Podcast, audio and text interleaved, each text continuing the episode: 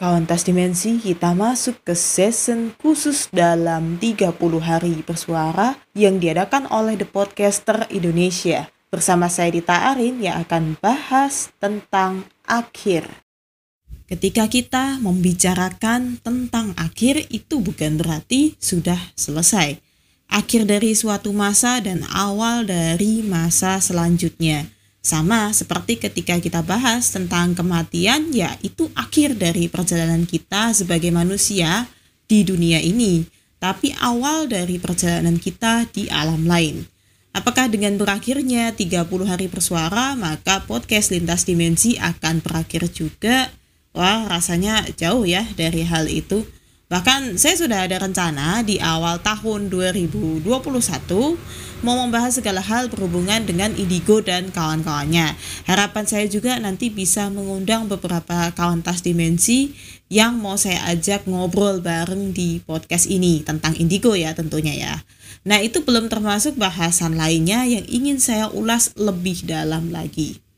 Tidak seperti media tulisan yang rasanya jalan di tempat bahkan lama vakum ya karena saya sendiri lebih banyak ngurusin podcast ya daripada menulis karena lebih enak ngomong sekarang daripada saya harus ngetik itu kan kata-katanya beda. Kalau kita ngomong itu lebih lepas aja sih. Nah, podcast lintas dimensi tetap akan terus mengudara. Jadi jangan khawatir ya, kawan lintas dimensi selama media podcast ini masih ada, kami akan terus ada. Apa pun itu, temanya, materinya akan kami usahakan untuk terus ada. Bahkan kalau perlu, kami akan adakan tanya jawab ya, dan akan kami tayangkan di podcast ini. Terlepas berapapun pendengarnya, ya saya nggak peduli sih.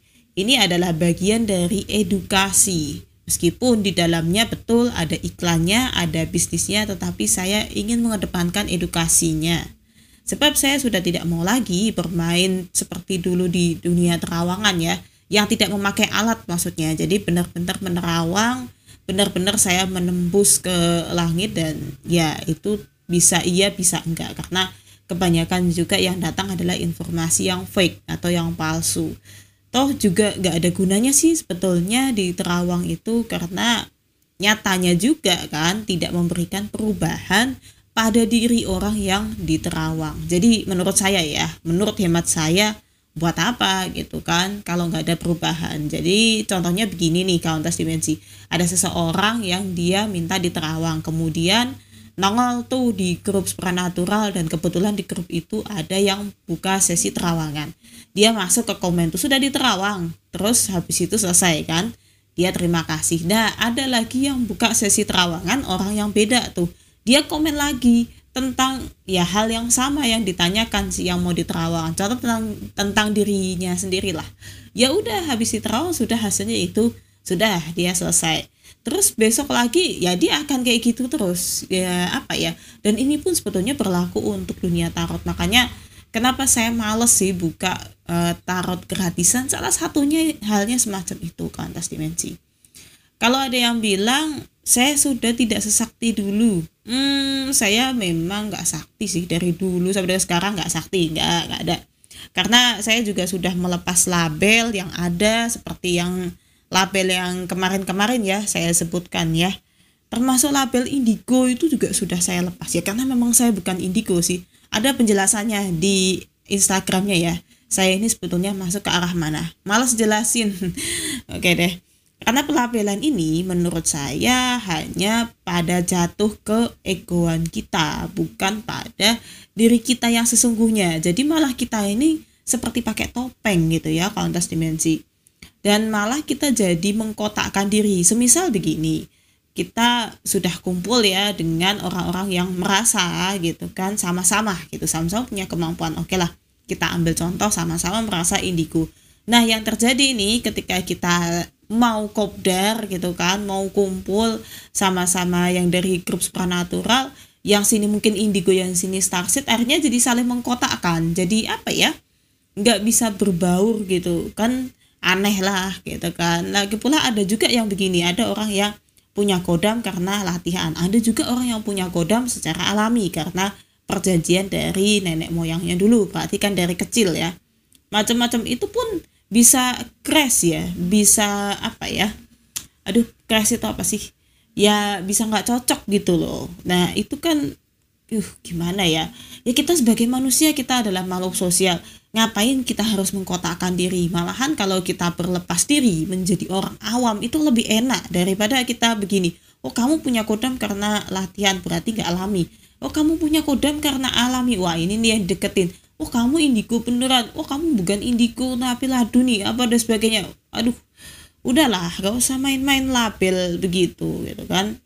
Justru dengan adanya kelebihan pada diri kita seharusnya membuat kita bisa merangkul semua orang saling membantu satu sama lainnya dan bisa menguatkan ikatan batin dengan semua makhluk. Nah, harusnya seperti itu kauntas dimensi. Jadi, bukannya kita mengkotakkan yang indigo sono, yang starseed ke sana, yang nanti laduni ke sini, yang nanti apalagi ke situ. Ya kan sendiri-sendiri jadinya. Padahal apa sih gunanya ada orang-orang yang memiliki kemampuan lebih? Ya salah satunya adalah untuk digunakan membantu orang lain. Kan nggak mungkin kan seperti yang saya sebutkan. Nggak mungkin kan manusia itu bisa punya dalam satu tubuh, dalam satu wadah itu bisa punya kemampuan tuh sampai 100 itu luar biasa hebat gitu kan di antara 100 kemampuan oke okay lah setidaknya apa ada satu yang lebih difokuskan. Nah otomatis kemampuan yang lain ya bisa jadi tidak berfungsi bisa jadi kurang gitu. Bisa sih tapi kurang. Semisal contoh begini orang ini sudah sangat fokus sekali untuk menerawang gitu ya. Bisa sih dia di dunia terawangan gitu tetapi dia juga bisa menggunakan yang disebut apa retro yang terawangan tapi mundur ya.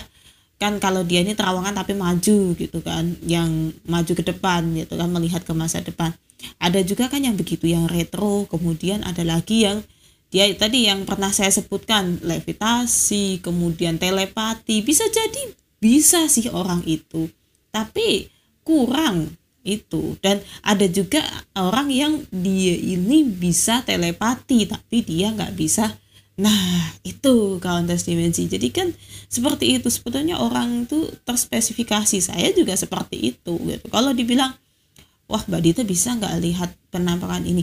Ya bisa sih, tapi kalau dipaksain malah jadi nggak bisa gitu kan. Tiba-tiba aja gitu kan, tiba-tiba aja. Kataupun ya itu di situ ada paling kerasa secara energi itu ya. Terus misalnya lagi kalau saya dibilang saya fokusnya ke mana sebenarnya saya fokusnya adalah lebih ke arah melihat yang ke masa depan tetapi yang dilihat apa dulu dan masa depan tuh cabangnya banyak dan masa depan itu tidak bisa dipastikan. Bisa jadi berubah dalam sepersekian detik loh. Bayangin aja. Banyak kan? Nah itu dan saya lemah dengan yang retro yang mundur. Saya susah sekali untuk melihat sesuatu hal yang berhubungan dengan masa lalu. Mungkin ada yang bantu. Bang Sen dia biasa di healer kalau dia disuruh yang retro bisa-bisa aja. Tetapi tidak akan semaksimal orang yang memang benar-benar menguasai itu misal seperti Om Hao gitu kan. Dia memang benar-benar menguasai di bidang retrokognisi tapi untuk kayak Om Hao disuruh dia healing bisa nggak? Bisa gitu. Cuman tidak seperti yang benar-benar seorang healer. Nah jadi kan ketahuan di situ ya. Dan saya sendiri sebetulnya ingin mengakhiri kebodohan yang ada terutama dalam masalah pelabelan. Saya sebetulnya udah bosen ya ngomongin tentang hal ini sih dari episode berapa kita? 25 26 dan sekarang yang 27 bahasanya masih muter di sini. Tapi kalau nggak diingatkan ya orang masih akan terjebak dengan hal-hal semacam ini gitu. Kalau nggak diingatkan orang nggak akan mengakhiri kebodohan yang ada. Bakalan terus dilanjut bakalan wah nggak ini nih nggak ada akhirnya kok asik-asik aja jadi orang sakti ya tapi kalau orang yang udah sakti beneran, malah mereka ingin mengakhiri itu gitu. Ya udah stop deh gitu kan. Gak usah promosi mereka bisa telepati. Ya mereka akan melakukan telepati gitu dan paling hanya teman-teman terdekat atau orang-orang tertentu yang tahu kalau dia bisa telepati gitu ya kontes dimensi baik di dalam diri maupun di orang-orang sekitar saya berusaha untuk stop kebodohan ini supaya apa tidak akan turun ke generasi-generasi berikutnya. Karena ya apalagi yang zaman sekarang ya generasi sekarang itu termasuk saya juga banyak sekali yang terjebak dengan dunia semacam ini itu.